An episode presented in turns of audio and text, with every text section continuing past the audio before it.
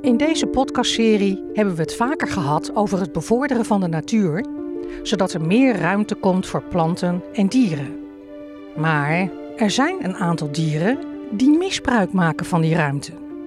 Dieren die hier eigenlijk niet hadden moeten zijn en juist schadelijk zijn voor onze natuur en onze dijken. Hoogheemraad Ineke van Steensel van Rijnland heeft ons uitgenodigd in Wouwbrugge. Ochtends vroeg op de dijk aan het water. En dat hebben Mike en ik gevoeld. Dag Anneke. Nou, ik moet zeggen dat uh, Mike en ik heel veel over hebben voor een uh, podcastopname. Want jongens, jullie kunnen dit niet voelen. Het is heel koud. Ja, het is echt ontzettend koud. En mistig inderdaad. Waterkoud, wind. Volgens mij is het oostenwind uh, kracht 3, maar ja, het is verschrikkelijk eigenlijk. Voor die city-snickers als wij. Ja, oh en uh, daar hebben we Ineke. Hi Ineke. Hey, goedemorgen. Ja, het is inderdaad even een kleine dag vandaag.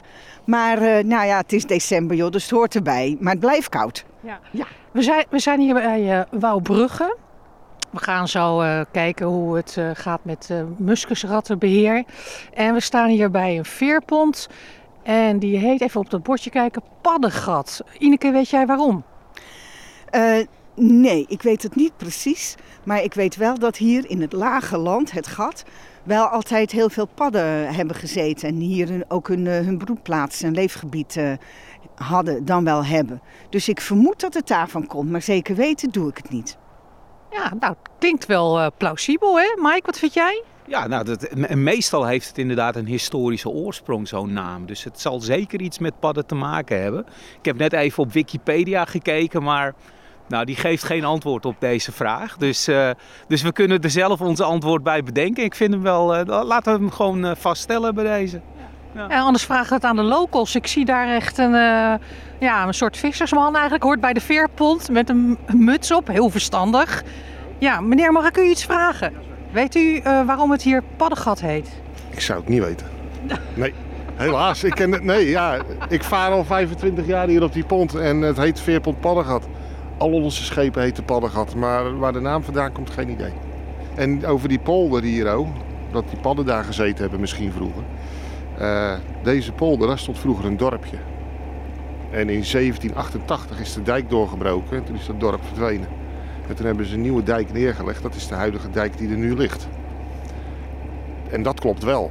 Dus, dus, dus het heette misschien pad uh, en dat is een gat geworden? Ja, en uh, als je heel ver terug gaat in de boeken, dan schijnen hier ook op die dijk vroeger uh, mensen verhangen te zijn die gestraft waren. Dus er zit een hele lange historie hier aan die polder. En er is ook een boek over het veerrecht hier ook, van het Paddengat. En dat loopt naar het jaar 700. Dus allemaal wel een beetje duister. Een dorp wat uh, onder, uh, onder water komt. Mensen die opgehangen werden. Is het wel veilig om hier uh, met die veerpont over te gaan? Ja, ik zit hier nu al 25 jaar. Ik heb zulke soort dingen nog nooit meegemaakt hier. Dus het zal meevallen. Goed. Het is een gek bruggetje. Maar van het verhangen van mensen gaan we terug naar Ineke van Steesel. Zij vertelt ons waarom ze ons hier mee naartoe heeft genomen. Ik heb jullie meegenomen omdat dit niet alleen een prachtig gebied is, maar ook omdat we hier met de dijkversterkingen bezig zijn en we hebben last van exoten. En daarom is het belangrijk om daar nu aandacht aan te geven. En exoten, dat zijn bijvoorbeeld de muskusratten, maar dat zijn zeker ook allerlei buitenlandse uh, beestjes, met name de Amerikaanse rivierkreeft bijvoorbeeld. En de Amerikaanse rivierkreeft, uh, waarom is het erg uh, dat die uh, hier bij de dijken rondzwerven in het water? Nou, dat komt omdat ze dus ook aan de dijken zelf zitten. En daarmee uiteindelijk, ook omdat ze met zoveel zijn, de dijkversterking teniet doen. En dus een gevaar vormen voor, ja, voor de mensen die hier wonen. En ja, we houden toch graag allemaal droge voeten. Ineke, we worden zo uh, meegenomen door de muskusrattenbeheerders.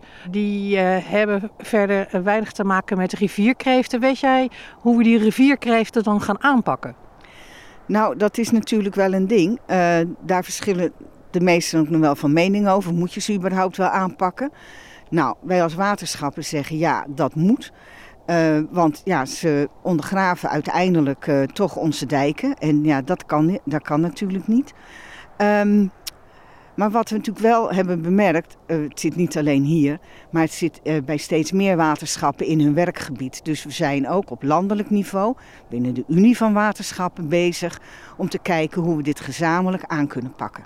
We nemen afscheid van Ineke en ontmoeten even verderop aan de rand van een weiland muskusrattenvanger Dolf. Nou, we staan hier op die dijk langs het Paddengat. Uh, met beperkt uitzicht over een prachtige Hollandse polder. En uh, knotwilligen. Prachtig rijp op, uh, op wat zwarte elzen. Oud huisje, prachtig. Dolf, jij gaat ons meenemen deze polder in. meenemen. Daar, daar zitten dus muskusratten. Ja, helaas. ik heb er van de week een paar geconstateerd in de polder. En uh, daar staan vallen en koortjes. Die gaan we even nakijken. En dan lopen we over het stringdraad heen, zo de polder in. En dan ga ik die wat laten zien. Oké, nou ik ben ook heel benieuwd hoe je ze dan geconstateerd hebt. Hoe, hoe neem je dat waar? Want ik heb begrepen dat die muskusratten die maken een burcht onder de grond. Ja. Met, met gangen uh, vanuit het water, dus onder water. Hoe, hoe, hoe kom je erachter waar ze dan zitten? Nou, dit was toevallig gisteren was het heel mooi weer. Tegenovergesteld van vandaag. Geen zonnetje, het was kraakhelder water en je zag echt een mooie kleigrond. Het is een kleipolder. Zag je de klei op de bodem leggen, ze uit de kant gegraven hebben.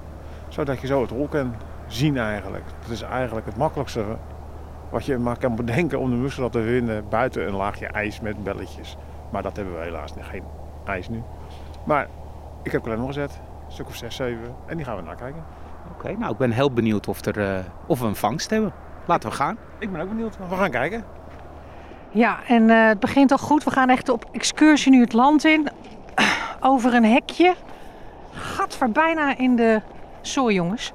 In de koeienvlaai, vers gelegd. Ja, we lopen hier nu een beetje als prikkenbeen. Huppelend. Ons, zorgvuldig onze voetstappen kiezend. In een zompig weiland naar beneden. Mike, je ziet hier heel goed dat het land achter de dijk stukken lager is, hè? Ja, ik weet niet precies hoe, hoe laag deze polder ligt. Maar als ik zo... Daar, ligt, daar is trouwens een pijlschaal. Dus dat kunnen we zo direct aflezen. Oeh, zompig hier. Zo. Ja, het is echt heel nattig inderdaad. Ja. Maar ik schat in dat we toch wel gauw een meter of drie hier uh, uh, naar beneden gaan uh, met deze dijk. K kijk Hanneke, daar zie je dat bij die duiker in die sloot. Een meter? Ja, dat is inderdaad. Een pijlschaal is dat. En okay. dat geeft eigenlijk het waterpeil aan ja, zoals het water nu staat. En dat is ten opzichte van NAP, normaal Amsterdamse pijl. En de Rijnlandse boezem die staat op min 0,60 NAP. En we kunnen op deze pijlschaal aflezen wat het peil is van het water in deze polder. Sorry. Je het nog niet lezen? Nee, ik, ik, kan het ook niet. Ik, nee, we gaan het zo direct... Ja, we, ja, we, we gaan het even aflezen. Je kan een foto maken en hem dan nog vergroten. Ja, ja, ja. Tja, zowel Mike als Dolf hebben hun bril niet op. Die stand hoor je dus zo. Eerst maar eens helemaal onderaan de dijk de sloot in. Kijk, Dolf stapt nu met zijn waardbroek het water in en hij trekt een val eruit. En kijk eens, ik zie daar een, uh, een muskusrat en vijf Amerikaanse rivierkreeften. En Dolf, uh, wa waarom heb je die kooi precies op deze plek uh, geplaatst? Nou, de muskusrat komt aanzwemmen en ze gaan altijd zoeken naar een gebiedje om verder te trekken, door te trekken. En ze gaan ook duikers door en de muskusrat komt aanzwemmen. Hij denkt, dit is een duiker, ik ken er doorheen. En dan komt die kooi tegen en hij zwemt erin. En dan heb ik hem gevangen eigenlijk. Oké. Okay. Ja, die muskusrat die zwemt dus in die kooi. En wat gebeurt er dan? Doordat hij in de kooi zwemt, verdrinkt hij eigenlijk. En hij raakt in de stress. En die stressfactor is zo erg dat hij eigenlijk niet merkt. En dan verdrinkt hij. Okay, en dat en... gaat binnen een seconde of dertig is het gebeurd eigenlijk. Dat gaat dus echt heel snel? Ja, heel snel. En dat moeten we ook landelijk uh, doen voor uh, de dierenwet eigenlijk. Okay, en en, en is, het, is dat niet zielig? Ja, het is uiteraard het is een, een dier die doodgaat. Maar het is eigenlijk belangrijker dat ze bestreden worden. En daar moet eigenlijk een beetje op aansturen en uh, in jezelf in je hoofd uh, nou, dat het belangrijker is dat ze weg zijn. Want anders hebben wij veel meer problemen. Ja, want ze berokkenen heel ja, veel schade aan, aan dijken. De dijken, uiteraard de dijken, de kanten. Je hebt het niet in de gaten, je loopt over de kant en je zakt weg. Kijk, dan val je. Maar als er een trekker over de kant in rijdt en je hebt het niet in de gaten, kantelt hij. En de boel kan er uh, onder komen. paarden kennen poten breken, koeien, of benen eigenlijk paarden. Ja. En de dijk kennen eigenlijk doorbreken. En we staan hier natuurlijk ook heel eind onder eh, NAP. En als de grote dijk doorbreekt, en we zien het nou niet, maar achter ons ligt de stad Alphen. Dan is de hele woonwijk eh, onder water en dan eh, zitten mensen boven het dak. En dat moet eigenlijk helemaal niet hebben, want er zitten wel sluizen van de Rijnland om zoveel mogelijk water tegen te houden. Maar er komt hier zeker een meter water in die hele polder te staan. Hé hey Dolf, die rivierkreeften die bewegen nog, zeg. eh, met die scharen. Huw, eh, wat doe je daar nou mee? Want ze zijn eetbaar, heb ik begrepen. Ja, ze zijn eetbaar, maar ik laat ze gewoon weer los. Want eh, we hebben werkafspraken gemaakt dat we gewoon helemaal niks meer meenemen uit de polder vandaan. En eh, het beestje ja, laat gewoon lekker weer zwemmen. Dus plons. Nou, terwijl Dolf bezig is de oever een beetje weer aan te stampen en de kreeften terug te gooien in het water, loop ik nu naar zijn collega, Kees. Hi Kees. Goedemorgen. Ja, ik heb nog een vraag over de muskusratten. Ehm, waar komen ze eigenlijk vandaan? Oorspronkelijk eh, eh, uit Noord-Amerika. En eh, rond de jaren 1900 is, is daar een Tsjechische graaf op jacht gegaan. En die vond die muskusratten wel leuke beestjes voor de bond en voor het jachtwild. En die heeft een stelletje meegenomen. Zo rond 1910 als ik me niet vergis. Daar heeft hij ze losgelaten bij hem op zijn landgoed. En doordat het een, een, een diertje was wat, wat, eh, wat wij niet kenden en dus ook geen, geen, geen prooidier was van eh, onze natuur, heeft het zich razendsnel ontwikkeld. Ik geloof dat de eerste muskusrat in 1938 gevangen is in Nederland. Dus dan had hij al een hele opmars eh, door Europa voordat hij aan de grenzen kwam bij onze rivierdelta. Klopt, zoals België, Frankrijk, daar zit inmiddels ook al een aardige populatie, maar die hebben er niet zoveel last van. Die, het land is niet zo waterrijk zoals wij dat kennen, echt een polder onder zeeniveau. Eh, daar werd ook relatief weinig aan aan bestrijding gedaan. Eh, ik had wel trouwens van eh, België gehoord dat met ratten dat ze die vangen en dat waterkonijn noemen. En ja, als een soort eh delicatesse serveren. Eh, kunnen we dat nou hier ook doen? In principe eh, is het bij wet verboden. Eh, ik weet wel dat er een stichting is van het ongewenste dier die eh, af en toe eens eh, een muskusrat op het eh, menu heeft staan. Heb je er zelf wel eens eentje gegeten? Ja, ik heb ze wel gegeten. Ze zijn prima te eten. En waar, waar lijkt het nou op qua vlees? Eh, het neigt een beetje naar kip. Het is wat blank vlees, wat, wat, wat donkerder vlees. Het is wild, maar de smaak heeft wel wat van kip. We vervolgen onze weg dieper de polder in. We klimmen een hoog hek over met een laagje ijs erop. En we lopen langs de pijlschaal, Die staat op min 5 meter 70. zodat Mike hem toch nog even zonder bril kan zien. Dus het waterpeil hier staat meer dan 5 meter lager dan het boezempeil van Rijnland. Dus je kan je wel voorstellen hoe belangrijk die dijk is die, daar, eh, die daartussen zit. Ik hoor af en toe wat ganzen. We lopen nu langs een watergang. Ik zie twee duikers aan het eind. Hé, hey, en als ik het goed zie, oranje stokken. Mike, zie jij al wat? Ja, verderop staan eh, de kooien gemarkeerd met, eh, met oranje stokken. En ik ben eigenlijk wel benieuwd waarom Dolf precies daar zijn kooien heeft geplaatst. Want als ik hier zo langs die sloot loop, ja, ik zie gewoon gras, gemaaid gras, een beetje, beetje blubber. Eigenlijk zie ik niet zoveel aanwijzingen, Dolf, maar jij wel. Ik wel, ja, want eh, ik heb hier gisteren gelopen en eh toen was het water kraakhelder. En eh, dan zag ik echt de uitgewerkte grond uit de kant in het water leggen. Dat het muskrag gedaan om hol te, te maken. En nou heb ik gisteren dus klem hier gezet en die gaan we nu nakijken. Dus ik stap het water in. En ik laat het even zien aan jullie hoe, hoe of wat. Oké, en, en, en Dolf, we staan hier. Ik zie hier ook Ja, een soort... is een eh, oude verzakking van eh, een aantal jaren geleden. En dat zijn juist eh, de schadeproblemen van de muskrot. En die muskrot die graaft het holletje soms een meter de kant in, maar soms ook al 5, 6 meter. En van bovenaf kan je het nooit zien. Zo. Dus de schades zijn echt gigantisch als je zijn gang laat gaan, zeg maar. Bijna tot aan je knieën ga je Ja. gewoon hier de kant in inderdaad. Ja, en onder jou, daar woont hij ergens dan. Dat is een Nessie. Hoog en droog weer. Gaat hij omhoog, eh, onder water, gaat hij de kant in voor de vijand. Want ja, de meeste vijanden van hem, die hebben een hekel aan zwemmen en water. En die gaan dan graven van bovenaf om naar binnen te komen. En dat hoort hij. En dan smeert hij hem gauw uit zijn uitgangetje. Ah ja. Dus, eh, on- ongelooflijk slim gebouwd dan eigenlijk. En, en hoe haalt hij dan adem? Want ik bedoel, dat, dat, dat de ingang staat onder water.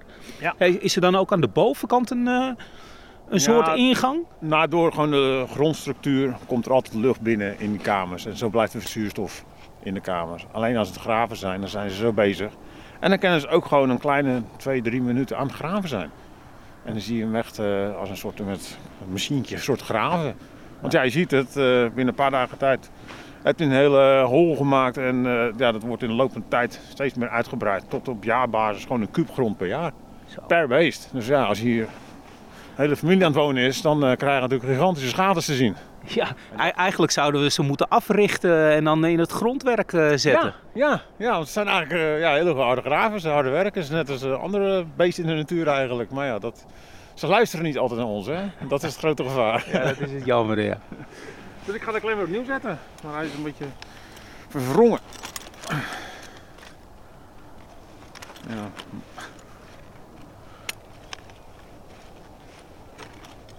Zo, dat is nog best een, eh, best een klusje, Dolf. Hè, Je, Ja. moet wel, je moet wel weten wat je aan het, eh, aan het doen bent, hè? wat ik aan het doen ben, want ik word altijd wel een beetje zenuwachtig met zijn microfoon bij me. Maar hij staat er nou weer goed voor.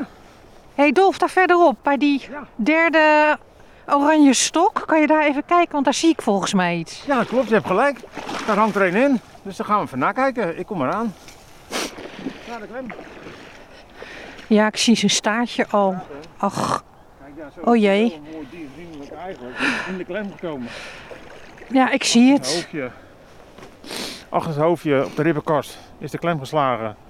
En door de kracht van de klem en dat hij onder water is, is eigenlijk een eh, hele mooie dood gestorven. Goh, ik zie nu voor het eerst eigenlijk zo'n muskusrat dichtbij. Eh, hij heeft een soort staart. Hè? Dolf volgens mij als een, als een bever, een beetje breed. Nee, nee, juist niet. Het wordt vaak eh, eh, door elkaar gehaald. Het is eigenlijk meer een palingstaart. En die peddelt eigenlijk achter hem aan. En een bever die heeft een platte staart, wat eigenlijk zo op het water. Dat is wel een goede beschrijving. Het lijkt net een paling die eh, aan hem hangt. Maar ik bedoel meer van, het is niet zoals bij een gewone rat een klein dun staartje. Nee, Het is inderdaad een beetje wat Nee. breder. En, eh, het is ja. helemaal geen familie van de gewone rat. en je ziet ook heel goed dat zijn achterpoten enorm groot zijn met Met Klauwtjes? Met haarborsteltjes. En met afzetten van het zwemmen gaan die haarborsteltjes openstaan. En daar heb je een soort kleine zwemvliesjes. Dus hij gaat net zo hard als een vis. En daardoor, en met zijn staart kan hij sturen. En aan zijn voorkant is eigenlijk gewoon ja, een, eh, een graafklauwtje. Daarmee graaft hij. Tandjes. Hij kan zelfs eten onder water zonder dat er water naar binnen komt. Afknagen. Want hij sluit zijn bek om de tanden heen. Is eigenlijk ja, een heel mooi beestje. Ja, ja, veel bont, hè? heel veel bont en ze worden eigenlijk eh, ja, een beetje door de mensen vies gevonden.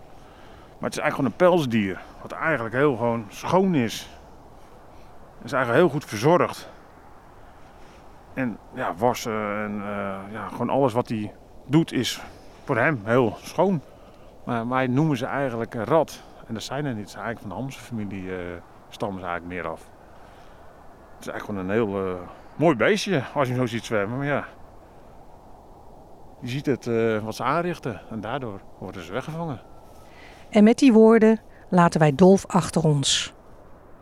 Hij gaat wat dieper de polder in als wij teruglopen naar de auto voor een warme thee uit de thermoskan.